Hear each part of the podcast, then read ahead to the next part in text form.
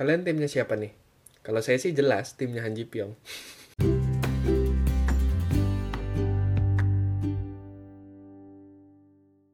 Halo teman-teman, kalian termasuk yang lagi mantengin startup juga nggak kayak saya? Kayaknya semua pada nonton ya. tapi tenang, meskipun saya tim yang berseberangan, tapi pendukungnya dosan masih tetap boleh kok dengerin episode yang ini. Tidak dibeda-bedakan. Tetap silakan putar. tapi kita ngomongin soal Jipyong dulu sebentar. Coba kalian perhatiin deh. Kenapa sih si Jipyong ini kok baik banget gitu ya? Sama Dalmi, sama Halmoni gitu. Padahal kan sebenarnya dia punya opsi untuk tidak bantuin. Karena toh bukan keluarga aslinya juga gitu kan, bukan neneknya juga, as, bukan nenek kandungnya juga gitu kan.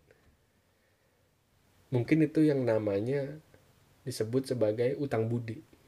Bagaimana di saat kita lagi ada di bawah-bawahnya, terus ada orang yang bahkan sebetulnya bukan keluarga kita, malah jadi satu-satunya yang mau nolongin.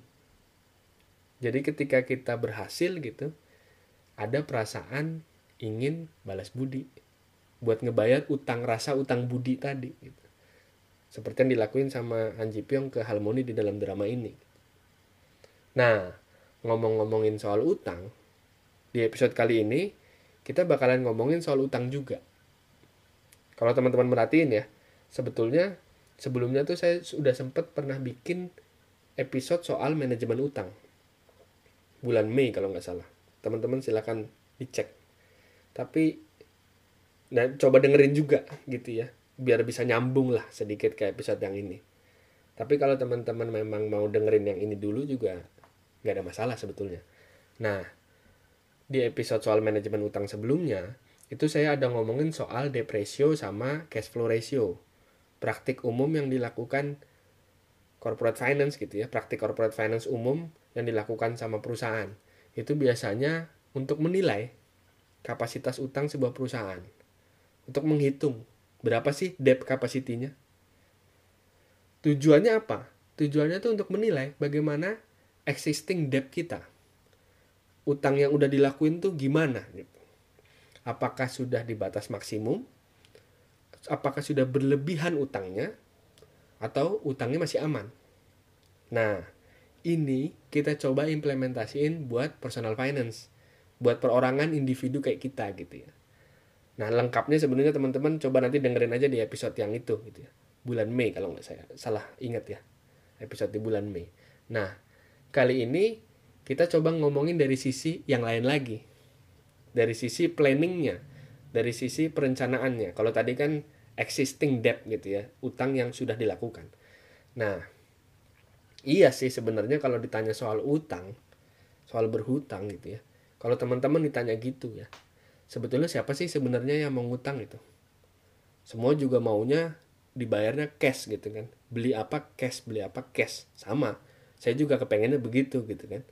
Tapi masalahnya kan satu kadang itu uangnya nggak ada gitu kan. Dan sebetulnya punya utang itu ya nggak salah-salah banget juga gitu. Tapi bukan berarti kemudian semua jadi ngutang juga gitu ya. Utang itu nggak salah tapi bukan berarti semua itu jadi ngutang gitu. Harus dibiayain dengan utang nggak gitu. Nah terus pertanyaannya apa dong yang boleh dibiayain sama utang? Dan apa yang nggak boleh dibiayain sama utang nah untuk jawab ini lagi-lagi sebenarnya saya mau pakai kacamatanya corporate finance kacamatanya keuangan perusahaan karena basic saya di sana. Nah, sebuah company itu biasanya ngutang entah itu dia nerbitin obligasi atau ner atau ngutang ke bank gitu ya. Selain dia nerbitin saham ya, karena kan kita temanya lagi soal utang nih. Jadi sahamnya kita pinggirin dulu. Intinya, perusahaan itu dia melakukan financing dengan jumlah besar. Biasanya itu dia untuk scale up perusahaannya, untuk memperbesar skala bisnisnya entah itu dipakai buat buka factory baru, buka pabrik baru gitu ya, atau buka kantor cabang baru dan seterusnya. Nah, dari sini apa sih yang bisa kita ambil? Nah, perusahaan itu ngutang. Dia hanya untuk keperluan produktif. Biasanya itu disebut sebagai utang produktif. Ya, teman-teman kita sering dengar lah kata utang produktif ini kalau lagi nonton berita ekonomi di TV gitu ya. Dan biasanya utang produktif ini ya buat biaya yang gede-gede gitu. Kursi kantor, laptop gitu ya jarang yang dibayarin sama utang. Bahkan kayak sebenarnya kayak mobil gitu ya, mobil operasional kantor atau mobil direksi. Setahu saya pun jarang yang dibayarin sama utang. Kecuali, kecuali ya nih, yang bisnisnya memang di bidang penyewaan mobil, rental mobil gitu. Kalau bisnisnya di bidang lain, biasanya itu pilihan yang paling sering diambil sama perusahaan adalah nyewa mobil. Teman-teman mungkin ada yang nyaut. Terus maksudnya saya nggak boleh nih kredit mobil. Kalau nggak kredit, kapan saya punya mobilnya gitu ya? Itu mungkin teman-teman ada punya pikiran kayak gitu.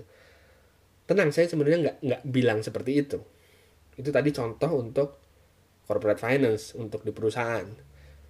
Jadi gini, sebenarnya yang bisa diambil di sini adalah yang pertama, apakah kalau saya ambil barang ini secara cash keras, hard cash gitu, cash flow saya akan keganggu apa enggak? Dari contoh pabrik tadi ya, bisa jadi sebetulnya total cash perusahaannya tuh cukup buat bikin pabrik secara cash. Dia cukup buat bikin pabrik bayarnya cash bisa. Contoh, itu total cash perusahaan ini ada 20 M. 20 miliar. Biaya bikin pabriknya 18 miliar. Cukup kan sebetulnya? Dia punya sisa uang, sisa punya sisa cash 2M. Betul ya? Tapi kenapa kemudian perusahaan tetap pilih opsi financing? Opsi utang untuk membiayai pabriknya. Karena kalau dia bayar cash, itu dia akan ganggu cash flow-nya si perusahaan. Itu kenapa tadi saya kalau beli office appliance, alat-alat alat kantor, yang tadi saya bilang, itu ada PC, laptop, segala macam gitu ya. Perusahaan itu nggak perlu ngutang. Karena nggak ganggu cash flow. Biayanya kecil. Dibandingkan dengan bikin pabrik. Kenapa sih cash flow atau arus kas ini jadi penting banget? Ya karena itu yang paling vital. Bayangin gini. Teman-teman punya perusahaan perusahaan kalian bikin pabrik 18M tadi. Available cash-nya, uang tersedianya ada 20M. Iya, pabrik barunya sih jadi mungkin. Karena ada uang cukup. Tapi perusahaannya mungkin akan vakum. Nggak beroperasi. Kenapa? Karena untuk operasi itu kan butuh cash juga.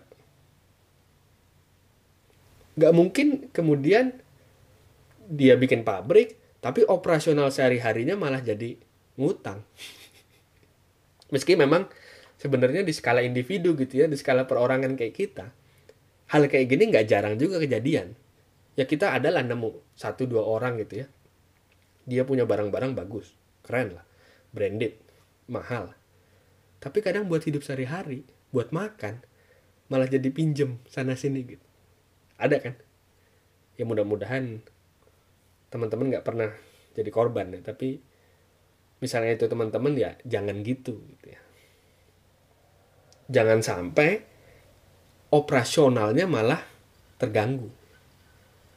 Kebutuhan cari harinya tuh teman-teman terganggu. Karena memaksakan cash tadi. Cash flow ini harus dijaga. Itu yang pertama. Yang kedua masih belajar dari contoh corporate finance yang tadi coba kenapa mobil kantor biasanya itu kebanyakan perusahaan justru sewa. Bukan dari financing, bukan ngutang. Ada banyak sebenarnya alasannya.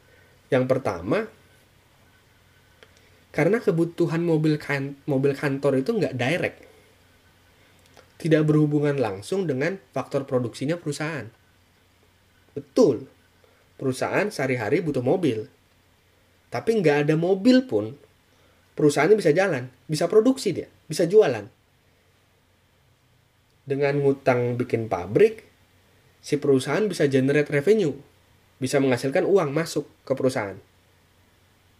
Nah, yang bisa diambil dari sini adalah selanjutnya adalah seberapa produktif sih aset yang mau teman-teman biayain pakai utang. Nah, kalau menurut teman-teman dengan beli barang ini, dengan beli aset ini, kalian akan generate uang masuk, silahkan dieksekusi pembiayaan utangnya. Nah, tapi yang paling penting itu dihitung dulu. Apa sih yang dihitung? Sama aja sebetulnya kayak perusahaan mau bikin pabrik. Pasti mereka buat yang namanya financial modeling. Mereka bikin projection. Tujuannya buat apa? Buat ngitung. Projected cash flow-nya ada berapa? Sederhananya gini. Dengan dia bikin pabrik baru, ini produktivitas perusahaannya akan nambah berapa persen sih? Gitu loh. Berapa sih potensial pendapatan yang bakalan di-generate, didapetin sama perusahaan dari bikin pabrik baru tadi? Apakah biaya utang yang keluar tadi itu, pokok utang plus bunganya ya, itu bisa di-cover nggak sama tambahan potensi pendapatan yang didapetin dari pabrik baru tadi. Kalau memang ternyata bisa, pun itu harus dilihat lagi. Berapa lama sih jangka waktunya? Kalau orang finance biasa nyebut, berapa lama sih waktunya untuk mencapai NPV sama dengan nol gitu. Nah contohnya kredit mobil deh. Untuk kasus individu ya, contohnya kredit mobil. Dengan teman-teman kredit mobil, kalian harus hitung berapa sih peningkatan produktivitas yang mungkin dihasilin sama teman-teman. Apakah misalnya target sales target salesnya teman-teman itu akan kebantu dengan teman-teman punya mobil yang dibiayain sama kredit ini atau enggak? Kalau misalkan kebantu, oke okay, bagus gitu. Dan misalnya memang kebantu dengan teman-teman kredit mobil, apakah biayanya yang muncul dari kredit mobil itu sebanding dengan tambahan potensi pendapatannya apa enggak? Plus, lihat lagi, apakah kredit mobil ini menjadi satu-satunya jalan apa bukan? Contoh dari kasus mobil kantor tadi. Perusahaan kenapa sih akhirnya milih buat sewa aja gitu ya? Dia nggak beli sendiri, dia nggak kredit gitu. Dia milih sewa. Kenapa? Ya karena kalau beli, perusahaan itu akan menanggung tambahan biaya lagi. Biaya perawatan. Ke bengkel gitu ya. Belum lagi kemudian kalau kejadian rusak parah gitu. Harus nginep lama di bengkel. Operasional perusahaan kan keganggu. Plus, kalau perusahaan beli, itu penyusutan mobilnya kan, penyusutan aset mobil atas mobil ini kan juga jadi beban buat keuangannya perusahaan. Benar ya? Padahal kalau dia beli kredit, udah ada tambahan biaya bunga lagi tuh. Ya kan? Jadi ada double cost. Udah biaya penyusutan, biaya bunga. Maka alternatifnya kemudian sewa. Karena biaya yang keluar kemudian cukup sekali biaya sewa itu. Gitu ya. Nah, kalau buat kasus individu yang bisa kita ambil pelajaran dari sini adalah apakah opsi kredit mobil tadi menjadi satu-satunya pilihan atau bukan? Nah, untuk menjawab ini, teman-teman harus cermat lagi menghitung.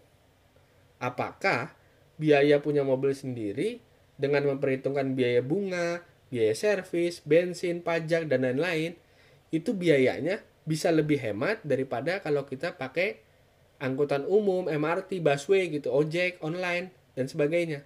Bisa lebih hemat atau tidak gitu. Nah, bisa jadi kredit mobil sendiri itu adalah pilihan yang lebih menguntungkan buat teman-teman. Tapi bisa juga kemudian terjadi sebaliknya. Bisa jadi lebih berat biayanya, lebih besar biayanya gitu ya. Udah berapa menit nih? Nah, sebetulnya kalau mau ngomongin soal manajemen utang gitu ya, nggak habis-habis. Kalau kita ngomongin soal perutangan duniawi ini. Nah, kalau kalian memang pengen tema ini dilanjutin, tema manajemen utang ini dilanjutin di episode-episode selanjutnya, teman-teman coba share episode ini di Instagram dan tag saya di @yubaswan dan Instagram satu lagi di @belajarbarengfinance. Kalau peminatnya memang banyak, teman-teman memang banyak yang pengen dilanjutin, nanti kita akan lanjutin lagi. Dadah. Sekian dulu podcast belajar bareng finance kali ini. Jangan lupa di follow dan di share ya.